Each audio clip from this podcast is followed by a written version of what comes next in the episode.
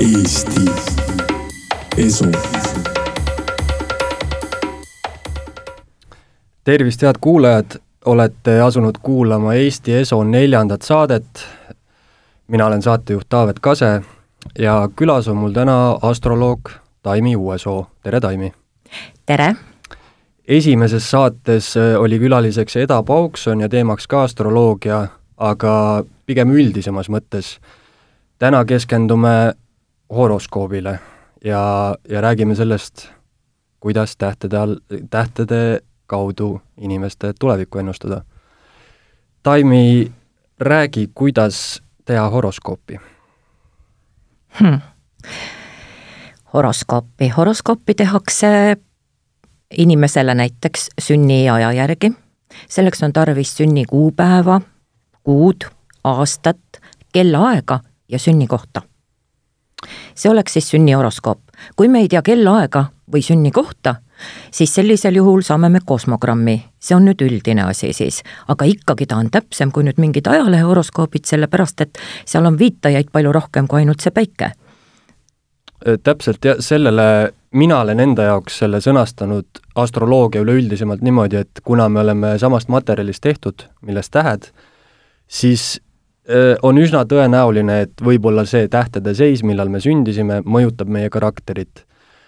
aga nüüd horoskoopidega on mul äh, täiesti vastupidine, see on minu arust nagu täiesti teine teema, kuna minu kokkupuude on ka ainult nende ajalehe horoskoopidega, kus on hästi üldine jutt, kolme lausega öeldakse inimesele, mis järgmine päev juhtuma hakkab ja see tundub mulle noh, selline pigem meelelahutuslik, et äh, sa ütlesid, et kosmogramm on siis selline üldine, kas see on äh, inimese kogu elu horoskoop?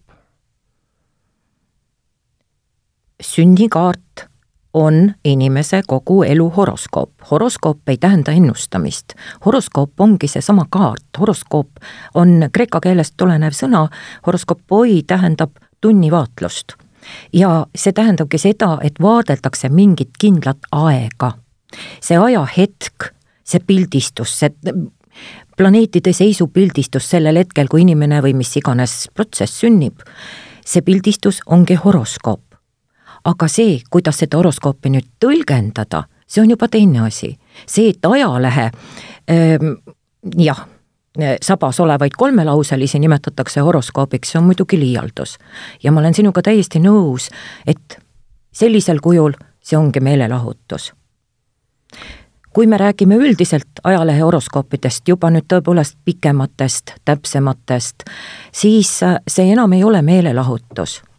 aga niipea, kui minnakse ennustuste juurde, niipea on see meelelahutus sellepärast lihtsalt, et see ei ole võimalik, et kaheteistkümnendikule inimkonnast ennustatakse nüüd ühte ja sama asja. see tundub jaa, et väga suurele inimgrupile, noh mm, -hmm. kõik, kes on, ütleme, kaljukitsed, ennustatakse nii-öelda järgmiseks päevaks, ma ei tea, õnne, õnnetust, mida iganes, on ju. just, täpselt.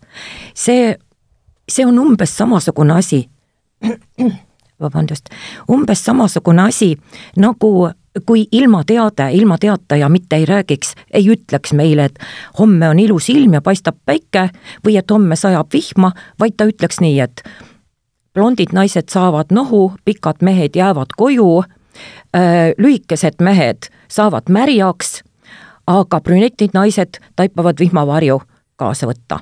No eks ole see on umbes samasugune asi. et kui me räägime, kui me räägime ajaloo horoskoobist, millel tõepoolest võiks ka mõte olla, ta küll ei ole loomulikult personaalne igale inimesele, kindlasti mitte, aga üldmärkidest rääkides, siis see võikski olla nagu ilmateade.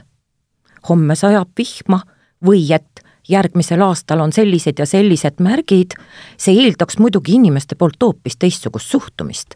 see eeldaks seda, et inimene ei ootaks seda nii-öelda ennustust sest ma ise olen proovinud kirjutada horoskoope just nimelt kui suunavaid, kui märgu and-, märku andvaid, olen püüdnud kirjutada nii, et ja igal pool absoluutselt alati seletanud ette, et see ei ole ennustus, see ei ole iga inimesele absoluutne, ainult üksikud mingid märgid võivad tõepoolest olla, aga igal inimesel võib, mitte võib, vaid on täiesti kindlasti ju palju-palju erinevaid märke, mis tegelikult oleks siis nagu tema jaoks mingid olulised viited, me saame ainult üksikuid viiteid.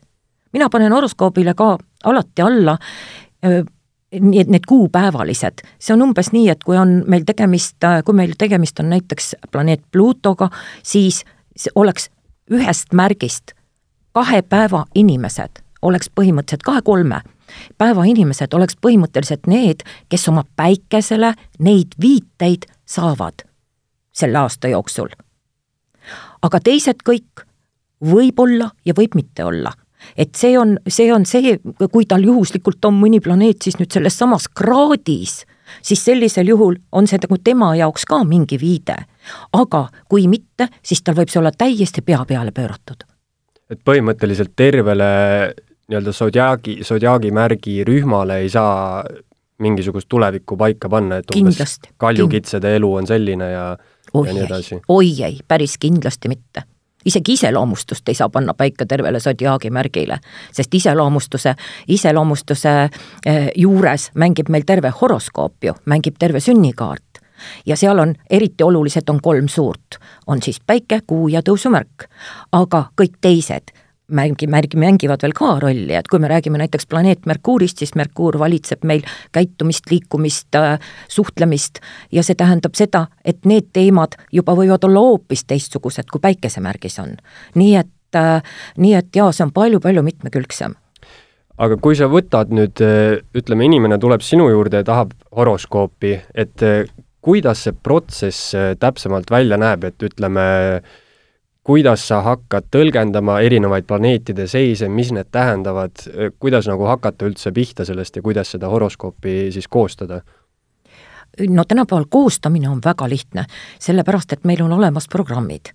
sa lööd ainult need sünniajad sisse ja programm annab sulle kohe.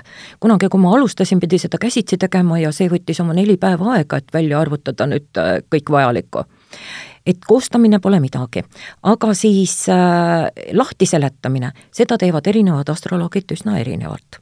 et tegelikult on tõde ju üks, loomulikult igas sodiaagi märgis on äh,, on just nimelt see tõde, mida kõik astroloogid teavad, iga planeedi tähendust teavad astroloogid, iga astroloogilise maja tähendust ja nii edasi. aga kust keegi pihta hakkab? No siin ei ole küll mingisuguseid niisuguseid ettekirjutusi, igaüks teeb seda täpselt nii, nagu tema kõige paremaks peab. Ja ka inimeste, minul isiklikult on nii, et ka erinevatele inimestele erinevalt. esimene küsimus, mis ma alati esitan inimesele, on see, kas sa oled enne kokku puutunud, on sulle varem tehtud kaarti, kas sa oled ise uurinud astroloogiat, lugenud natuke rohkem, ühesõnaga, kas ta teab midagi sellest, siis ma tean keelt valida. sest astroloogia on ka keel, ei muud ja kui ma räägin astroloogia keeles, siis ta ei saa mitte midagi ju aru, eks ole.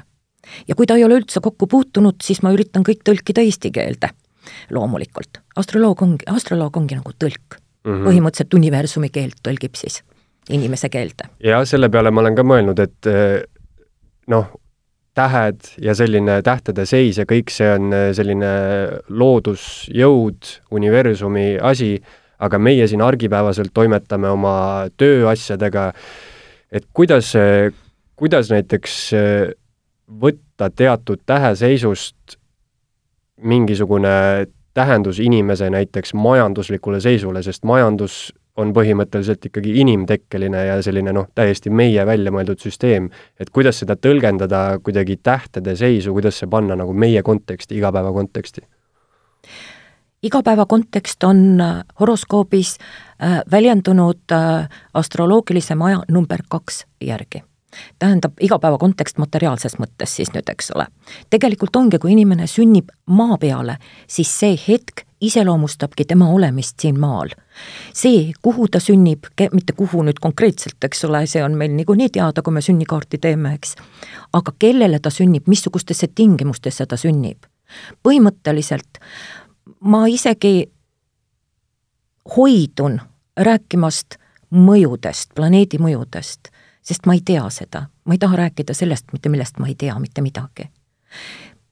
see ei ole ka selgeks tehtud, jah, kuu mõjud maale, kuu mõjud veele, need on nüüd äh, ikkagi selgeks tehtud. aga et äh, kõik planeedid või tähed isegi meid nüüd mõjutaksid kuidagi füüsiliselt äh,, seda me ei tea lihtsalt, kas nad seda teevad või mitte. aga mis on kindel? kindel on see, et horoskoop on tegelikult hetkepildistus ja ta viitab läbi planeetide liikumise, ta viitab ju sellele, kuidas aeg edasi kulgeb. Ja me näeme väga täpselt horoskoobist seda, missugustel aegadel võivad tekkida missugustes valdkondades, et nüüd siis, kui tulla tagasi selle, selle materiaalse teema juurde, et siis ongi, me näeme seda lihtsalt, kuidas hakkab tööle see materiaalne valdkond. Mingisuguste liikumiste järgi. astronoomid on meile kenasti välja arvutanud kõik need planeetide asukohad ja need on meil kas efemeriidide raamatus või arvutis on nad meil kõik olemas ja selle järgi me siis jälgimegi, mismoodi toimuvad need puudutused vastavatesse teemadesse ja iga teema on tohutult mitmekülgne. Andres Klemet, minu astroloogiaõpetaja, ütles kunagi väga ilusasti, et sünnikaart või horoskoop, sünnihoroskoop, on nagu suur kaubamaja, kus kolmes osakonnas müüakse sama kaupa.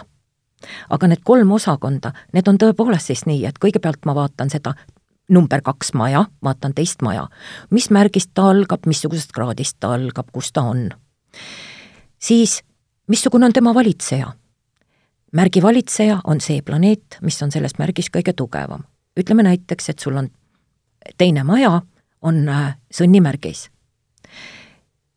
seal on tal väga õige koht olla, sellepärast et sõnn on ka number kaks, sodiaagi märk. See on niimoodi, sa vastaksid täpselt nagu siis sellele, e, e, sellele arhetüübile, eks ole. ja samas nüüd valitseja, sõnni valitseja on Veenus ja siis nüüd ma pean vaatama seda Veenust, aga see Veenus ei pruugi enam sõnnis olla. see Veenus võib juba olla sul, e, kui sa oled päikesemärgilt näiteks ka sõnn, siis see Veenus võib sul olla kas jääras, kalades, sõnnis, kaksikutes või ka juba vähis, eks ole. Nii et sul on nii palju neid märke siis, kus koha peal see Veenus võib olla. nüüd ma vaatan siis seda Veenust, mis kraadis tema on. kui äh,, missugune märk, kraad, missugused aspektid tal on, siis nüüd teiste planeetidega, missugused aspektid.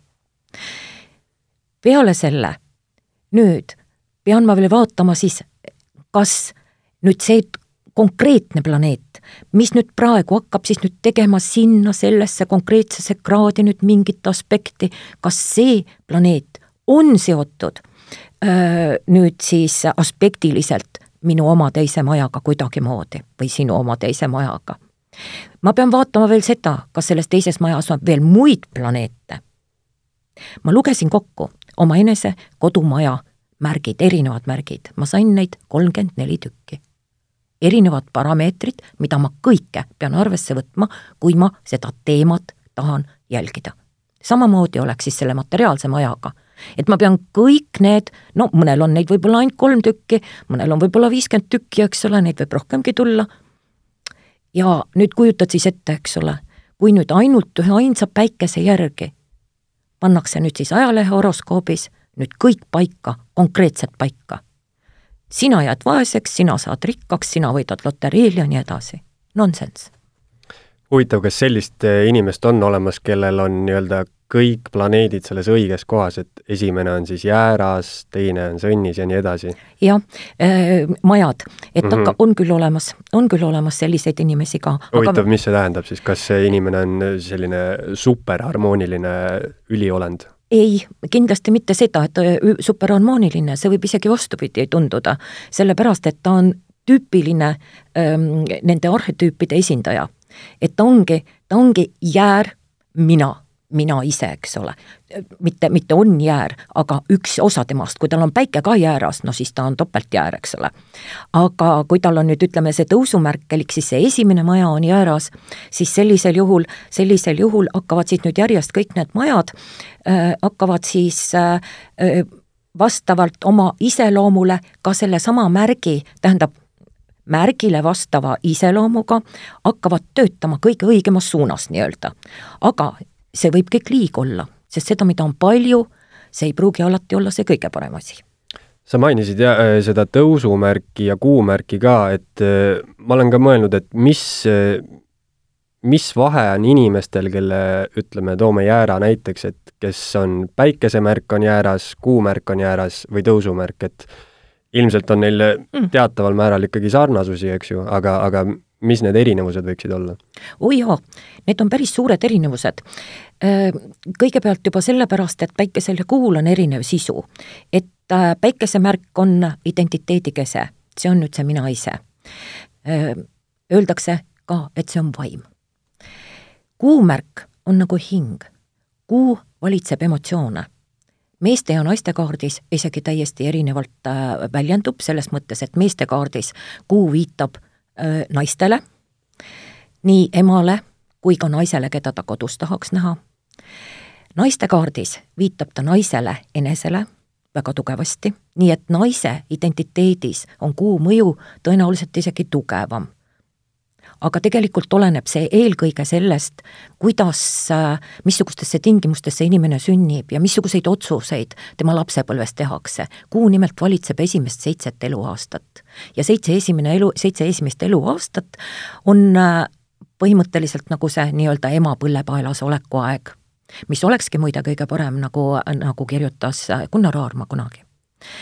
et äh, see ei ole veel üldse sootsiumisse mineku aeg ja meil siin tänapäeval tahetakse lapsed juba, nimetatakse juba õppimiseks, kooliks ja, ja milleks iganes, eks ole.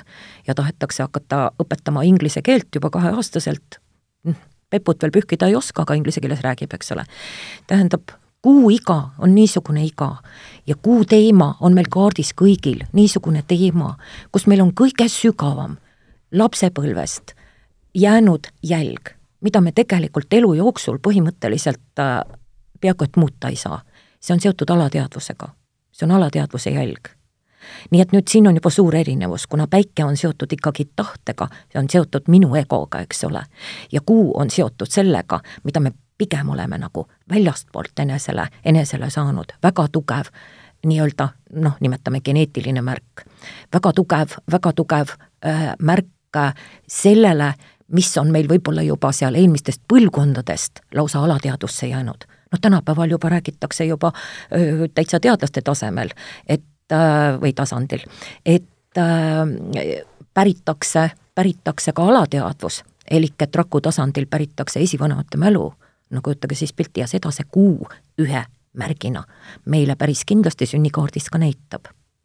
ja kui me räägime tõusumärgist, siis tõusumärk on nüüd, noh, see on nüüd see, kuidas ma välja elan seda märki, elik siis antud juhul siis nüüd jääramärki. see oleks nagu käitumine siis? see oleks nagu käitumine. Äh, Mario March ja Sean McEvers, need on Ameerika astroloogia õpetajad, kes on kirjutanud väga, väga head õpikud, äh, astroloogia õpikud. Äh, nemad on, nemad on toonud väga huvitava või toreda niisuguse näite seal, et planeet on nagu näitleja.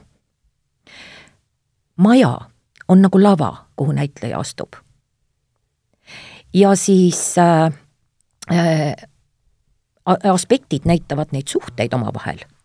missugused suhted siis erinevatel näitlejatel on. ja sodiaagi märk on nagu roll, mis näitlejale antakse. ja see on kohe esimene asi, mis sünnikaardist inimesed, astroloogid kõik vaatavad, nad vaatavad siis, mis märkides planeedid on. kas see näitleja on saanud enesele sobiva rolli või on see täiesti ebasobiv see ongi see, et kui planeet on omas märgis, nagu nüüd Veenus sõnnis või Marss jääras näiteks, siis ta, siis ta toimib kõige loomulikumal moel. nii samamoodi see päike jääras kõige loomulikumal moel. aga kuu jääras juba täiesti ebaloomulikult. seda sellepärast, et kui me nüüd nii piltlikult üritan seda seletada, siis kuu on, kuu on nagu emalik tüüp, näitleja, kes näeb välja nagu hea hoolitsev emme. ja nüüd antakse talle niisugune roll, kus ta peab mängima ehtsat sõdurit. niisugust, kelle, kes täristab relvi, eks ole, kes on, peab olema niisugune jumakas, karvane, kleebitakse habe ette küll, aga need head silmad, need emme silmad on seal ju ikka olemas, eks ole. tähendab, tal on oma rolli palju keerulisem mängida. proovigu tema nüüd mängida. kui antakse noorele mehele see roll, siis ta mängib seda ju palju paremini, eks ole ja vot nüüd ongi kohe näha, mismoodi need planeedid, kas ta töötab nüüd natukene öö, keerulisemalt või inimesel, kas on natuke keerulisem nende asjadega hakkama saada, mida ta antud juhul seal iseloomustab, või mitte, või on väga kerge, eks ole. nii et, nii et sealt hakkamegi pihta. Ja, ja siis nüüd see, nüüd see lava, eks ole, see tõusumärk ongi siis nüüd, ongi siis nüüd see, kus siis nüüd, kui see päike on ka tõesti jääras, siis, siis ta ongi, ta on kõige valgustatumas kohas üldse. näitleja, mina, ego, ta saab ennast näidata täpselt niisugusena, nagu ta on sa mainisid, et, et ütleme siis on ju, päike on selline vaimu mõjutav, kuu on emotsioone, tõusumärk käitumist. Tõusumärk, vabandust, ma, ma ei öelnud seda, et kui ma juba niimoodi tõin, et vaim, hing, ma unustasin öelda, et tõusumärk, märk nimetataksegi keha. keha, jah? jaa, vaim, hing ja keha. ma tahtsingi küsida, et, et huvitav, kas mingisugune märk mõjutab ka keha, et huvitav, kas see, kas see tähendab ka inimese välimuses siis midagi? et ütleme, kas inimesed ütleme ke-, keegi, kes on jäär, aga tema tõusumärk on näiteks, ma ei tea, vähis, kas ta siis näeb välja nagu vähk? absoluutselt, mingit moel, mingil moel. tal kindlasti on ka jääraomadusi, sest on neid astrolooge, kes väga hästi oskavad nagu päikesemärgi paika panna. tõusumärk paistab palju paremini välja kui päikesemärk tihtipeale minu jaoks ja Eda Paukson ütleb täpselt sama. et tõepoolest tihtipeale tunneb pigem tõusumärgi ära, päris kindlalt inimese välimuse järgi tunneb ära selle valitseva stihia, valitseva stihia, kas ta on vee, tule, maa või õhumärgist sündinud. selle paneb kindlasti paika, aga kas see nüüd konkreetselt on nüüd see päike või tõusu, ka kuu mõjutab väga tugevasti, mitte mõjutab jälle, ta viitab väga tugevasti välimusele, mille inimese, inimene kaasa on saanud, aga tõusumärk kõige rohkem ja eriti muide profiili millised need ko-, öö, kuidas inimesed välja näevad, kes on siis näiteks tule, vee, õhu, maamärgid, mis nende erinevused võivad olla? Oi, neil on väga suured erinevused, väga suured erinevused. et kui me räägime tulemärgist kõigepealt, siis tulemärk vaatab alati julgelt silma. ta on kind-, selle, sellest kohe näeb, julgelt silma ja ei löö üldiselt pilku maha ja väga tihti ka ei keeruta oma silmadega, vaid võib tõepoolest täiesti nii-öelda jõllitama jääda. et, et see on kohe esimene asi. siis äh, tulemärgi inimesed, kui nad annavad kätt, siis tulemärgi inimesel on tavaliselt soe kuum, kuiv käsi on ka kohe näha. siis kui tulemärgi inimene käib, nad kõik käivad muidugi, igal märgil on omad niisugused väikesed nüansid veel, aga, aga näiteks jäär kõnnib nagu ta marsiks. täiesti niimoodi käed käivad ja vehib kätega ja niisugune nagu marsib noh, niisuguse sõdurisammuga. lõvi tavaliselt, kui tal ei ole räälik-, järalikke mõjutusi, siis tavaliselt ta ei marsi, vaid äh, tihtipeale just nimelt liigub nagu no niimoodi kassilikult. aga lõvidel on üks hästi huvitav, huvitav omadus, mille peale alati õpilased mul lõvid alati naeravad, sest nendel on täpselt sama, ise olen ka lõvi, täpselt samamoodi, et äh, millegipärast kipuvad kõik nende kingad kõpsuma. Et kui te kuulete kuskil, et kellelgi kõpsuvad kingad kõvasti, kõnnib poes üle kivipõranda, eks ole, ja kajab üle terve poe, siis täiesti raudselt on ta tugev lõvimõjutus. sest millegipärast, millegipärast lõvid kipuvad valima niisuguseid jalanõusid. no vot niisugune pisikene nüanss, eks ole. ma mõtlesin, et kuidagi, kui mingisugust loogilist sellest, seletust otsida, siis võib-olla kõpsuv jalg oleks just nagu kaljukitse nagu kabi, mis ka kõpsub. muide, väga loogiline, väga loogiline, aga kaljukitse kõnnak on hoopiski niisugune nagu tippiv natukene mm, -hmm. nii nagu kitseke, et kui me vaatame loodusesse, eks ole, näeme, kuidas kitsed käivad, et siis kaljukitseke kõnnak on tihtipeale üsna sarnane sellele et tavapärased tulemärgid käivad kõik äh, nagu niimoodi noh, kuidagi nagu, kuidagi nagu jul-, noh julgemalt jah kindlama, kindla sammuga ja kui tulemärk istub, siis ta istub sirgelt alati, paneb niimoodi, paneb omal jalad maha ja, ja üldiselt noh, tõesti sirge seljaga enamasti. kui me räägime, kui me räägime maamärkidest, siis maamärk on selles mõttes juba hoopis-hoopis teistmoodi, et kõigepealt tema pilk on väga tihti suunatud maha väga tihti või kui ta vaatab korraks otsa, siis ta jälle suunab pilgu maha, nii et kui inimene niimoodi tihti teeb, siis tal kindlasti on maamärgi mõjutused. päris mm -hmm. kindlasti nüüd midagi olulist on tal maamärgis. siis äh, maamärgil äh, on äh, nüüd, kui me võtame nüüd eraldi, siis sõnnil näiteks, sõnn käib natukene kühmus tihtipeale äh,. sõnnimärgi äh, planeetidega inimesed siis, äh, käib natukene kühmus ja niimoodi astub raskelt, tihtipeale on teda kuulda põmaki-põmaki aeglaste sammudega niimoodi nagu natuke nagu karu, eks ole. Neitsi märgi inimene käib pigem kergemalt, pehmemalt, aga ta on veidikene kohmakas nagu oma käigu poolest. tihtipeale neitsimärgi mõjutustega inimene äh, põrkab igale, muide hambur teeb sama, tulemärk küll, aga teeb sama, hambur vehib rohkem kätega. hamburimärgi inimesed on hästi niimoodi, terve keha nagu liigub, kui nad käivad. neitsimärk seda ei tee, aga kuidagi nagu, kas on midagi, kas ta kas ta natuke lonkab ühte jalga või muide, jälle nüüd ma toon niisuguse näituse juurde, et minul on näiteks neitsi, neitsi tõusumärk ja Merkuur on ka neitsis. ja mul oli näiteks lapsepõlves tohutu probleem kõndida, marssida, niimoodi, mhm. kui öeldakse, et marsi nüüd, siis minul tuli üks jalg ja üks käsi sama jalg ja sama käsi, kui teised kõik marsivad, eks ole, teistmoodi. nii et ma mäletan, kuskil lasteringis oli täitsa probleem, ema ütles mulle, kuidas sa ei saa, siis näed, teised kõik marsivad ja sina käid nagu Buratino, eks ole.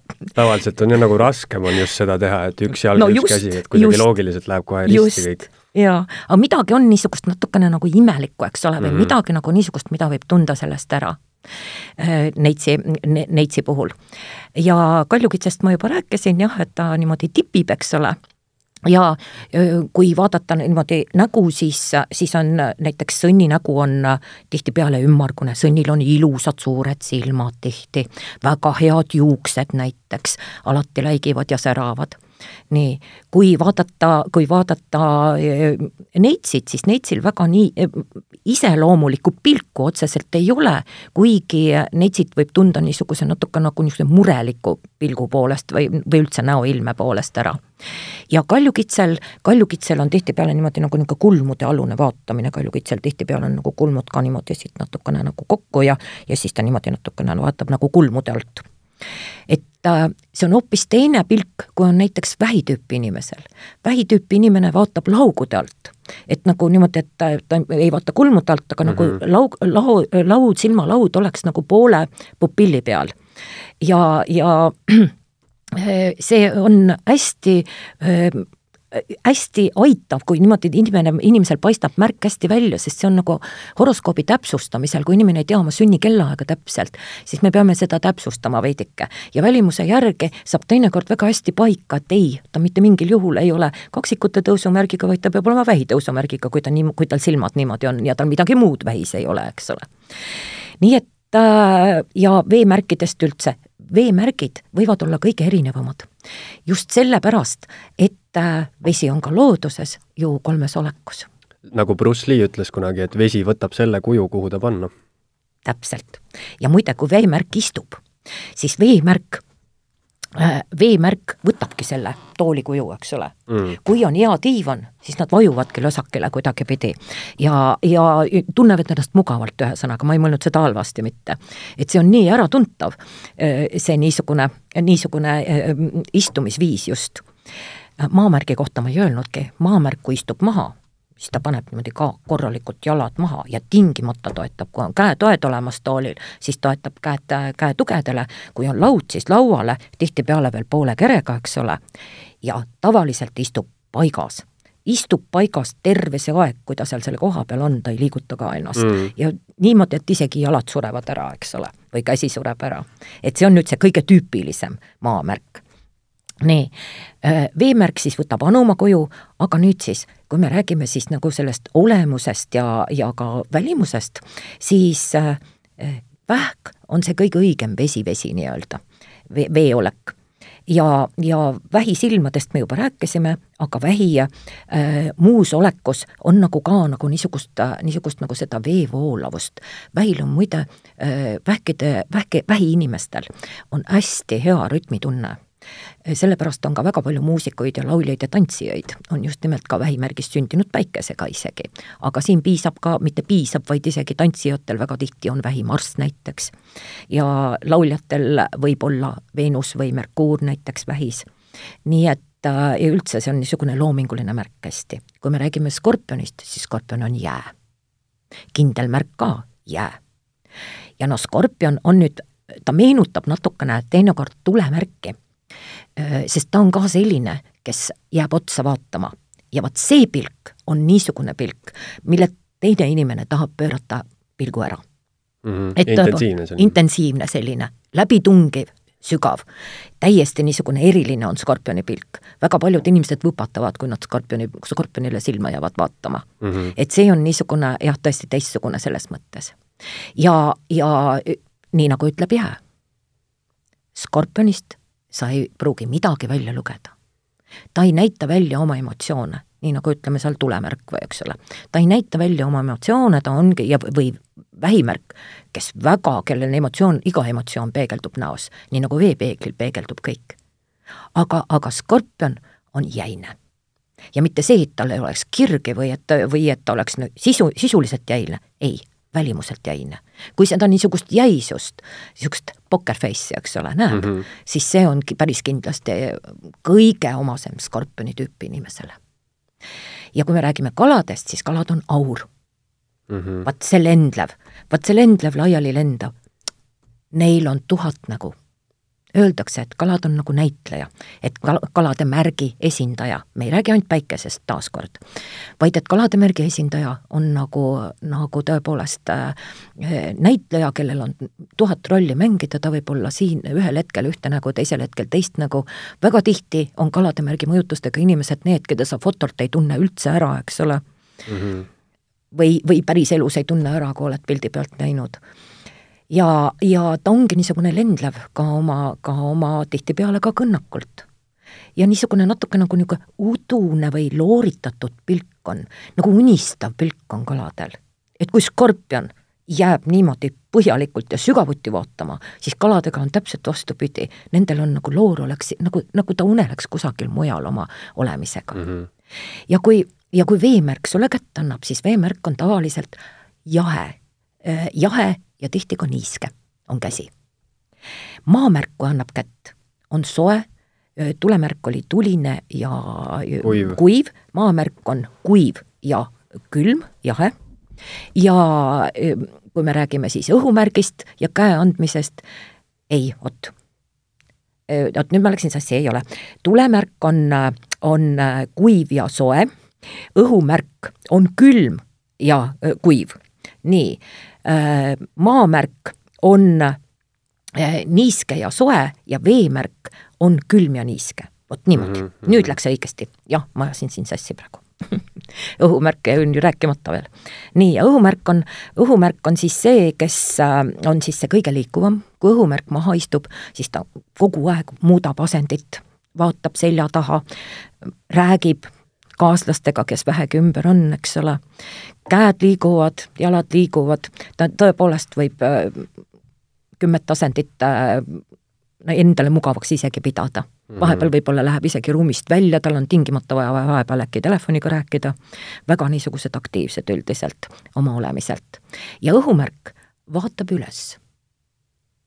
et kui veemärk vaatasid kõik erinevalt, eks ole, siis õhumärk vaatab tavaliselt üles ja nii, et noh, et ta vaatab sulle otsa ja siis jälle pilk ülespoole, otsa ja pilk ülespoole. maamärgil oli siis vastupidi, eks ole ja nüüd, kui räägitakse kehakeelest, vot siia juurde kohe ma räägin sellest pilk, kas see nüüd oli paremale üles, et kui inimene vaatab paremale üles, siis ta valetab või ja, ja ma olen ka kuulnud eks ole, vot niisugused asjad. no kas nüüd kõik õhumärgid valetavad, eks, et see nüüd on ka natukene kahtlane, et et kas see nüüd on nii, nii ühene, et see on umbes samasugune, samasugune äh, lahterdamine, nagu on, ütleme, päikesemärkide järgi kaheteistkümneks lahterdamine, eks ole. et äh, ta võib, ta võib olla äkki tõsi ka teiste jaoks, aga noh, et kui nüüd inimene tõsiselt valetab ja ta on nüüd mõne teise märgi esindaja, siis ta võib-olla äkki tõepoolest teeb ka nii, ma ei ole kursis sellega. aga kui ta on õhumärk, siis ta teeb seda ka ilma valetamata. vot mm -hmm. siin ongi nüüd see uba, et nüüd, kui me hakkame seda jälgima, siis me arvame, et nüüd jah, meil on siin tegemist mingi kaksikute kaalude või, või veevalaja inimesega, ta ainult meile valetab või eks ole. aga kas õhumärgid on kõige paremad valetajad äh,? see oleneb muust et kui me räägime sellest äh, võimalikust äh, niisugust nii-öelda pettuse teemast, eks ole, siis tõepoolest äh, kaksikute märki seostatakse sellega, aga veel rohkem isegi kalade märki, kes ei ole õhumärk, kes on ju hoopiski veemärk, eks ole. Nad on muutlikud märgid mõlemad. Samas, kui me räägime teistest muutlikest märkidest nagu neitsi ja hambur, siis seal on täiesti vastupidi, et hambur on ehtne tõerääkija just nimelt alati ka enesele kahjuks ikka tõde. nii et, nii et me ei saa öelda ka, et see oleks nüüd muutlike märkide teema, aga horoskoobis, sünnikaardis on, äh, on see nii, et äh, et see on seotud äh, Neptuuni aspektidega tihtipeale, Neptuun on niisugune petja, mitte, mitte alati ja igal hetkel, vaid ta võib olla seotud sellega ja kui inimesel on, inimesel on tõepoolest äh, väga tugev Neptuun, Neptuun muide valitsebki kalade märki, nii et selles mõttes ongi see kalade teema on tihtipeale kõige suurema pettusega seotud ja nüüd ärgu arvaku kõik kalad, et ai, ma ei ole ju üldse või mõelgu, et ma ei ole mingi petis, aga näed, vaata, ma olen ju kalad. ei, me ei räägi päikesemärgist, me räägime ikka sellest, missugused need seosed seal sünnikaardist tulevad. see on see, ikka see arhetüüp, see on see sisu, see on see sodiaagi märgi sisu, millest me siin räägime praegu, eks ole. nii et äh, äh, nii et jah, ei saa öelda nüüd, et õhumärgid otseselt, et seda mitte et ikkagi, ikkagi oleneb ja peale selle oleneb ka väga palju ka kasvatusest ja kuidas seda, kuidas seda on kasutatud elus. sest näiteks äh, keegi ähm, äh, fantasöör, fantaasiakirjanik näiteks, eks ole, muinasjutuvestja, ka laulja või sensitiiv näiteks võib omata samasuguseid märke nagu kõige suuremad valetajad. nii et, nii et üldse mitte, see on nagu see, et äh, kuna, kuna sellel samal Neptuunil on ka ju teine sisu, seal on, seal on selgelt nägemine, kõik, kes on vähegi seotud mingisuguse, mingisuguse nagu tunnetuslikkusega, kõik, kellel on mingi, no mitte mingi, vaid on väga hea intuitsioon, kõigil neil on tugev Neptuun, kõigil neil okei okay, äh,, tulles tagasi just horoskoobi juurde, ma mõtlen äh, sellesama küsimuse peale, et mida ma küsisin, et, et mulle tundub kuidagi loogiline järeldada näiteks inimeste suhete kohta midagi tähtede seisust, kuna tähed on ka omavahelistes suhetes ja, ja kes seal tiirleb ümber, ümber kelle ja, ja on ju, kes põrkub ja mis iganes. aga sa mainisid, et see teine maja mõjutab nagu materiaalset elu, et kuidas, nagu kuidas see, kuidas see tõlgendamine ikkagi käib, et, et kuidas ma võin selle teise maja mingisugusest planeedist välja lugeda enda materiaalse seisu kohta mingisugust infot? oi, see on nüüd küll terve loengu teema et no ma võin tuua mõne näite lihtsalt. et ütleme kas või see, et kui sul on teine maja sõnnimärgis, siis see juba on üks hea näitaja, sest sõnnimärgis on tal hea olla ja kui tal ei ole nüüd mingisuguseid niisuguseid segavaid asjaolusid, eks ole, selles mõttes, et ta nüüd on tohutult pingeline, pingeliste aspektidega ja ja mingisuguseid äh, meeletult segavaid planeete sees, siis äh,, siis kindlasti ongi kõik hästi kui seal on, kui sõnnimajas on näiteks on näiteks Veenus või Jupiter või kui on mõlemad lausa seal, siis inimesel no lihtsalt veab elus tal lihtsalt on alati kõik eluks vajalik olemas ja, ja võib võita ka loteriil, see on väga niisugune, niisugune seis, mis on materiaalses mõttes täitsa hea. kui nendel planeetidel nüüd omakorda on pinged, see ei välista seda, ta võib olla pingeline küll, aga see ei välista seda, et inimesel hästi läheb. aga see võib tähendada siis näiteks seda, et inimene ei oska raha hoida, laaristab kohe ära. mul oli ühe kliendiga niisugune juhus, et tal oli sünnikaardis juba need nii-öelda võitmise märgid ja aeg läks ka nii kaugele, et noh, tõepoolest, ma küsisin kõigepealt ta käest, kas ta on võitnud, jaa küll, mängib kaarte ja mida iganes teeb, ikka võidab. et ongi nagu mängur ka omamoodi aga küsisin siis selle peale, kuna seal oli ka tal see pinge aspekt sees, ma küsisin, et aga et äh, oled sa ka palju kaotanud siinjuures? ja siis ta hakkas naerma, ütles, et oo oh jaa, ma võitsin ühe õhtuga kolmsada tuhat krooni. ja see oli mul järgmiseks õhtuks kõik läinud. täpselt ei teagi, kuhu lihtsalt loopis raha laiali. et ühesõnaga, inimene võib niimoodi, niimoodi käituda siinjuures. ja loomulikult seal võib olla palju erinevaid põhjuseid ja mitte üks planeet siinjuures ei sega tegelikult inimesel ka rikkaks saamist, vaid et oleneb lihtsalt tõesti sellest, mismoodi seda kasutatakse. sest tõesti, näiteks kui me räägime Saturnist, mida peetakse rahamajas nagu üsna viletsaks näitajaks, kuna Saturn on piiraja, aga Saturn on ka süstematiseerija. Saturn on ka koguja, eks ole, nii selles mõttes, et ta nagu ei anna ihnust, ta ei anna välja. Saturn on väga tihti miljonäridel, just nimelt rahamajas nii et need asjad on nii mitmekülgsed, et seda tegelikult ei ole võimalik niimoodi, et sa nüüd no võtad inimese sünnikaardi ja paned nüüd, nii, siin juhtub see, siin juhtub see. panid tähele, mina küsin inimese käest, eks ole, kas sa oled võitnud, kas sa oled kaotanud, eks ole. ma esitan talle küsimuse, mitte ei ütle, sa oled ja nüüd juhtub, eks ole. See on täiesti, täiesti erinev teema, sest siis ma tean, kuidas ta käitub. Ja siis ma saan talle tõepoolest ka öelda, et vot nüüd tulevad need head võimalused, ta küll oli juba ise saanud selle õppetunni, aga kui ta poleks seda õppetundi ise saanud, ta suhtus sellesse niimoodi, et teeb järgmine kord samamoodi, eks ole. Mm -hmm.. okei okay,, see on tema valik. aga kui ta poleks seda õppetundi veel saanud, siis olekski minu ülesanne teda hoiatada ja öelda, et aga sealjuures, kui sa nüüd tõesti võidad, eks ole, kui tõesti see juhtub, siis ole hea ja investeeri oma raha korralikult ja ära kuluta seda ära, eks ole. vot see on see, mida tegelikult peaks nagu inimesele ütlema, eks ole. et ta, et talle peab loomulikult ütlema, ütlema kõike, mis seal on, aga mitte niimoodi, et ma nüüd ise kujutan ette, et ma jube hästi tean. igal inimesel võib see erinevalt tegelikult mängida. aga seda igapäeva horoskoopi ei tasu selles mõttes uskuda, et kui kirjutatakse, et näiteks hamburitele, et homme osta lotot, võidad. oi ei, oi ei. see on oi, see, see on täielik jama. see, see päris kindlasti ei mängi mind, noh, mõni hambur võib ju osta ja äkki võitagi ja pärast ütlebki, näe, horoskoop rääkis õigust, eks ole. aga see on kokkusattumus no vot, see võib olla tõesti kokkusattumus. aga äh,, aga iseenesest see märk, mille, mille kohta nüüd astroloog või jumal teab, ajakirjanik lihtsalt on seda järeldanud, see märk on tegelikult täiesti adekvaatne. seal võib olla, aga sealjuures, kui ta juba toob välja nii konkreetse asja, et homme võidad lotos, siis sellesama märgiga võib olla tõepoolest äh, mitukümmend erinevat varianti veel, mida nendel samadel hamburitel võib tõesti juhtuda. ja kui me räägime igapäevahoroskoopidest, siis on see natukene keerulisem, kui me räägime pikemad, vot aeglased planeedid on need, mis tegelikult nagu nii-öelda tõmbavad aega lahti, tõmbavad asju lahti.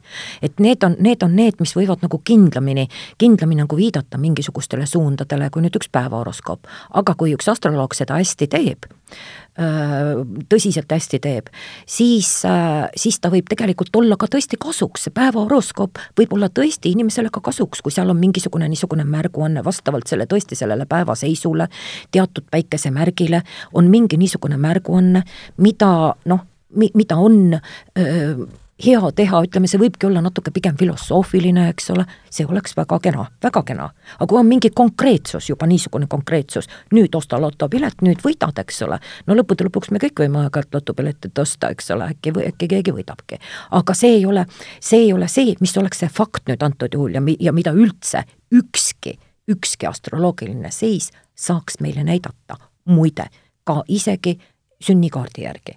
see on ikkagi, oleneb sellest, kas sa oled ära teeninud või ei ole, kui me räägime lotovõidust?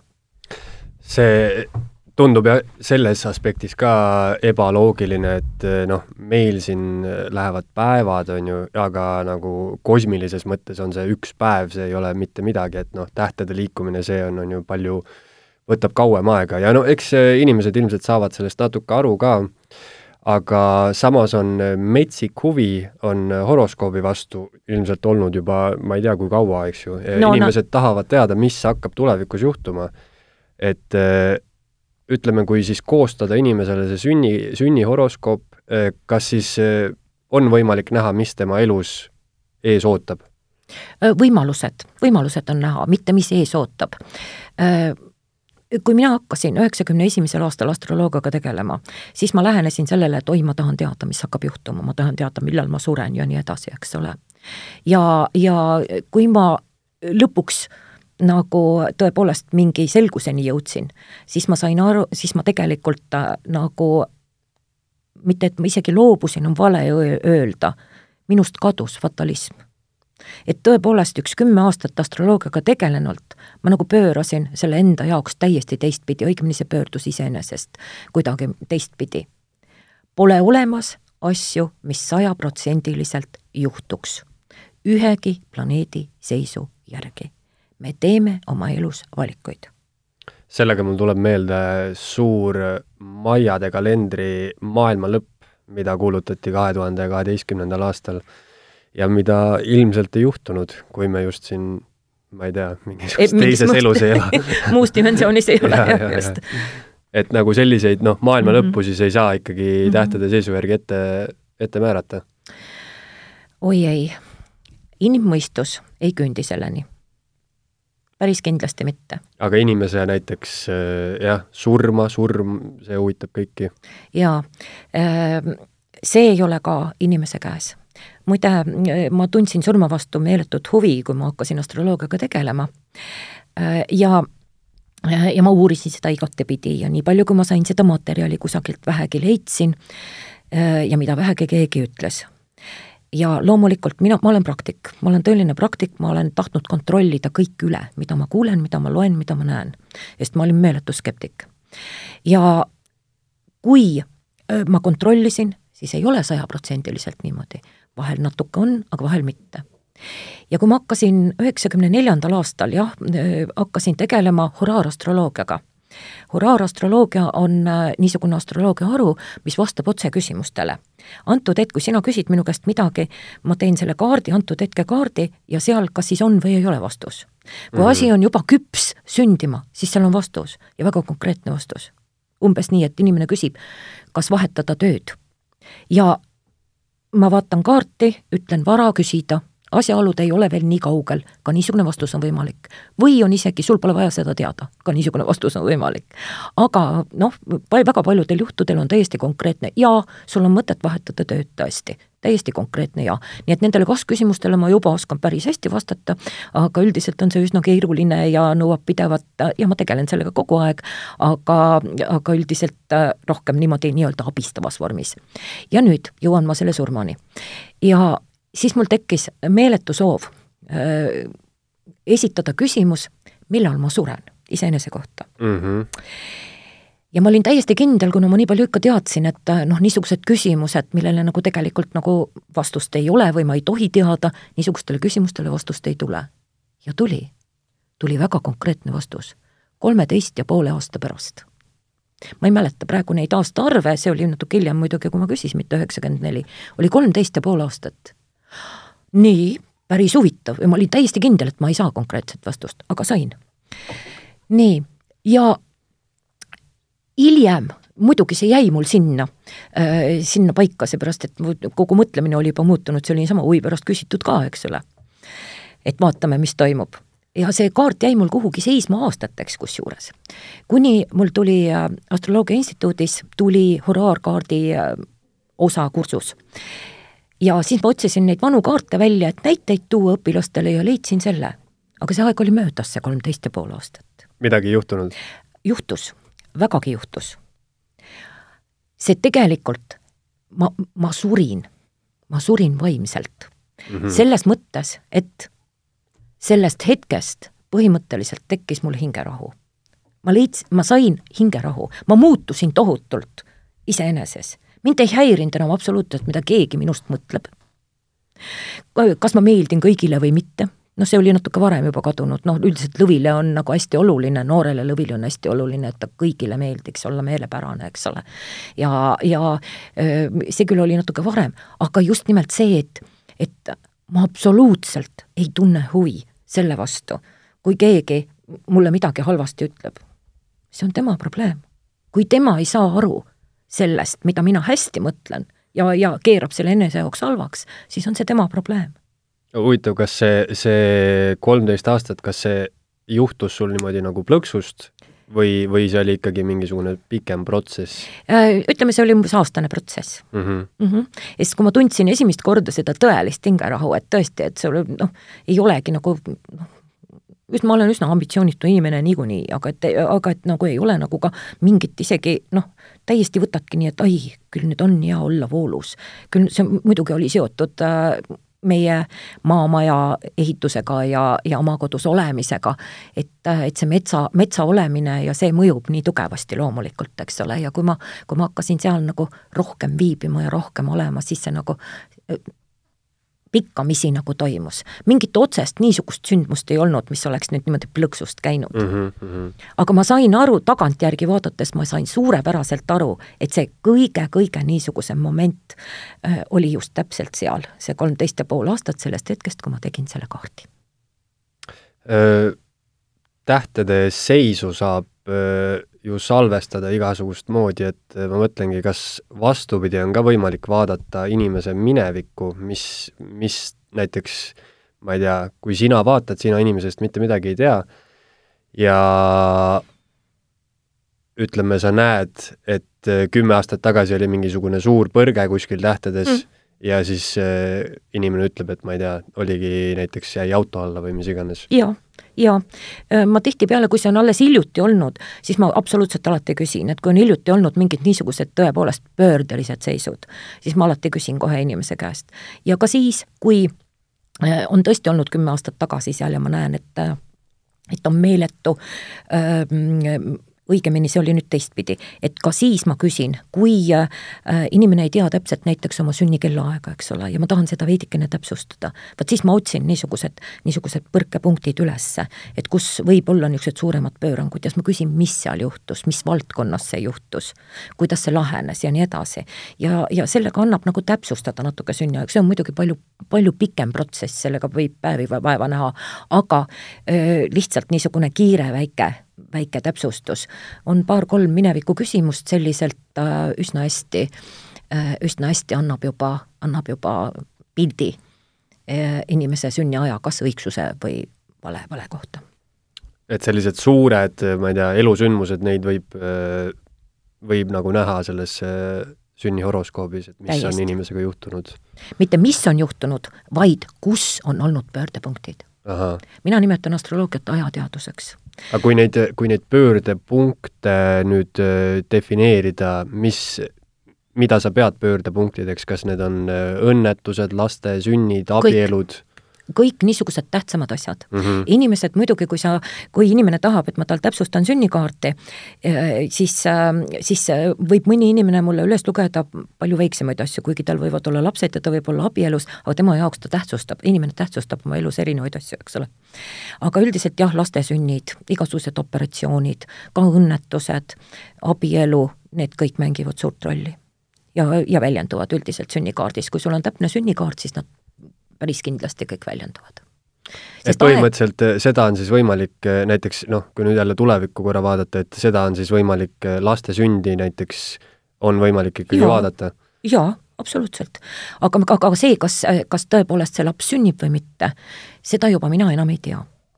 selleks, et, et aeg on selleks lahti, et aeg on küps, et ta võiks sündida, vahel see täiesti niimoodi lähebki inimeste puhul, et et äh, ma olen öelnud küll inimestele, kes äh, tulevad mu juurde hoopis teiste küsimustega ja tahavad väga teada näiteks oma äriliste ettevõtmiste kohta, aga nüüd järgmine aasta hoopis kipub keegi siia ilma väga.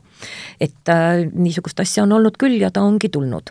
noh, tänapäeval loomulikult tehakse ka ise see patt, eks ole, et äh, ei võeta vastu äh, seda last ja on ka niisuguseid juhtumeid ja kusjuures küll, aga ka arstid juba praegu räägivad sellest, et tõepoolest äh, me saame mõjutada oma äh, suhtumisega, oma vaimuga, oma hingeseisundiga saame mõjutada rasestumist.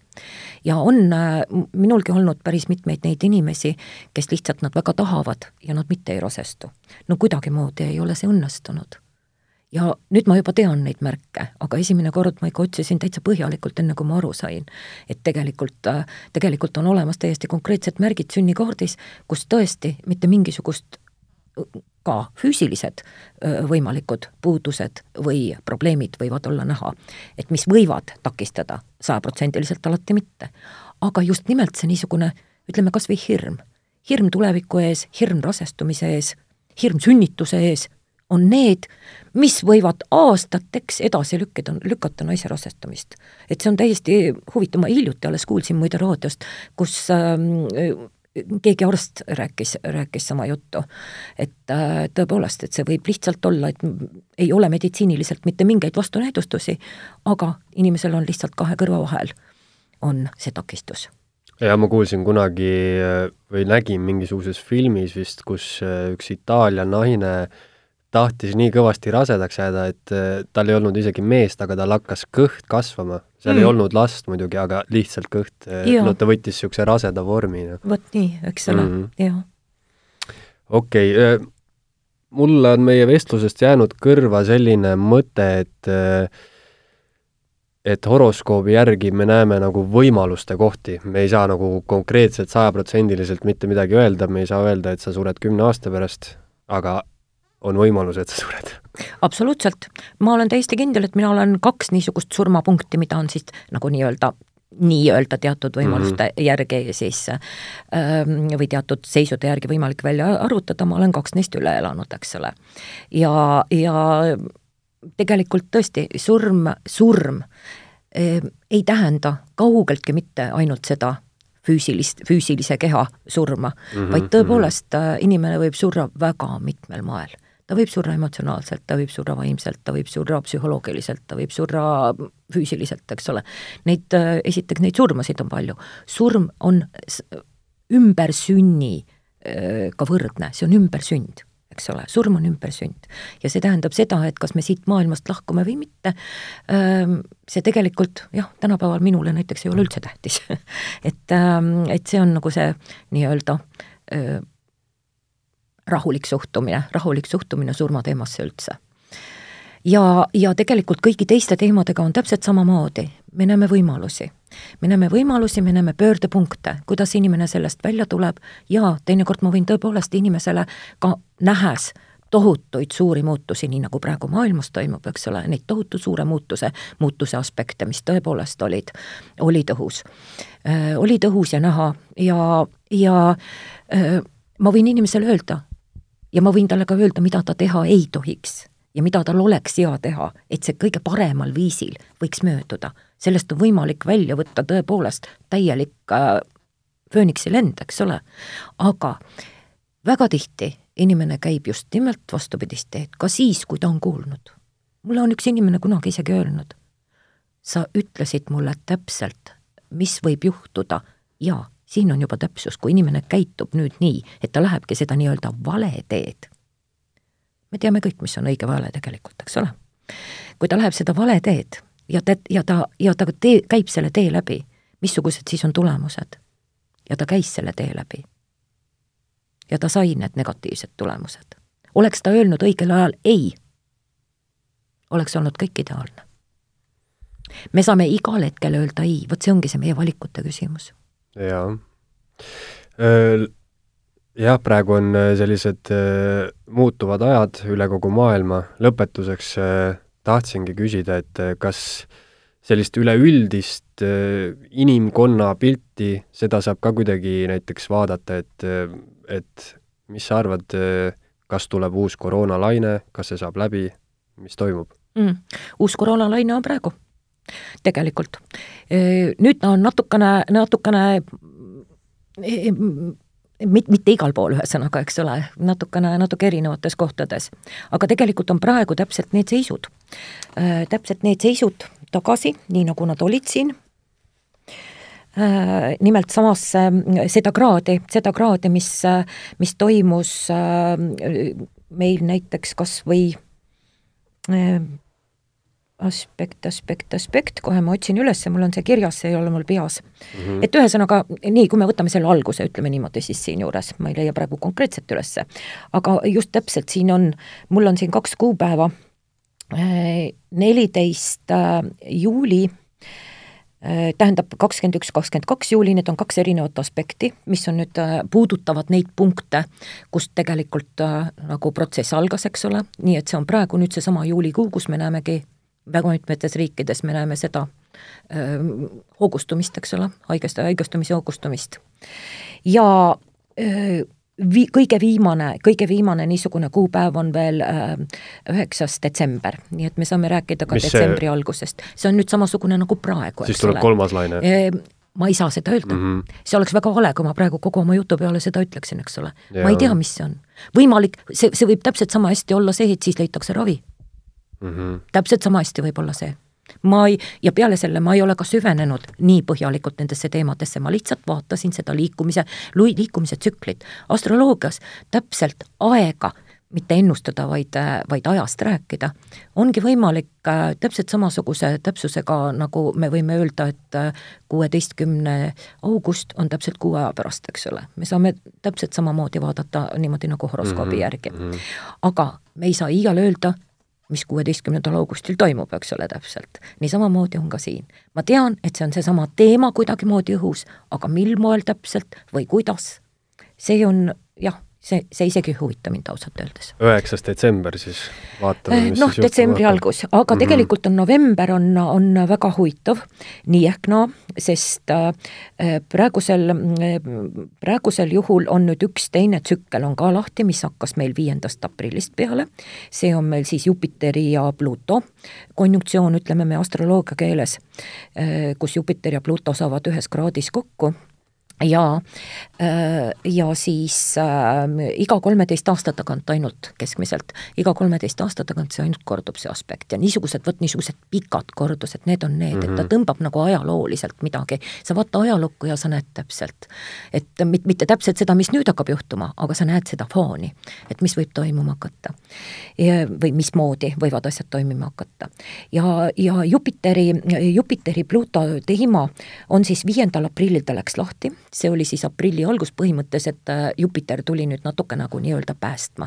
aprilli, põhimõtteliselt kuuendast aprillist tulid need esimesed uudised, et hakkame lõdvendama, hakkame lõdvendama, eks ole mm. -hmm. nii, nüüd äh, kolmekümnendal juunil oli teine aspekt.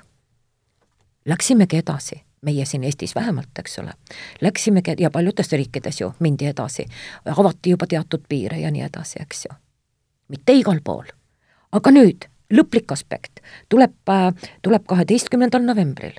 kas see on see, et siis tõmbame maha, eks ole, et noh, täiesti, kas sellest ajast läheb läbi, jälle, mina ei oska seda öelda. praegu on olnud need esimesed aspektid, on meile näidanud, et on läinud nagu vabamaks, on mm -hmm. läinud nagu paremaks, vaatamata sellele, et siiski see teine laine nagu kusagil ju toimib või on lahti, eks ole. nii et, nii et äh, tegelikult on meil täpselt see lootus ka, et meil on ühesõnaga november-detsember on meil juba suurem, palju suurem vabadus kui praegu. põhimõtteliselt julgen ma öelda seda, et, et niimoodi, nagu me oleme praegu, me tõenäoliselt läheme siis kuni novembrini edasi. et ei julge öelda, et me terve maailma saaksime vabaks enne seda, kui see viimane aspekt on ära olnud siis võiks tulla mingisugune siis muutus? võiks tulla, no see oleks nagu just nimelt see loogiline järeldus, eks ole. no loodame, et see jama saab läbi siis lõpuks. loodame jah ja kui vaadata, vot ongi ajalugu tegelikult näitab seesama suur aspekt, mis nüüd meil oli kaheteistkümnendal jaanuaril, eks ole, ja, ja mille kohta, mille kohta ma seitsmeteistkümnendal detsembril ütlesin Maalehele, siis ma rääkisin nendest suurtest aspektidest, ütlesin Maalehele, et see on majandusastroloogia järgi, on ta majanduskasvu peatumine. Ja, ja liigne reguleerimine.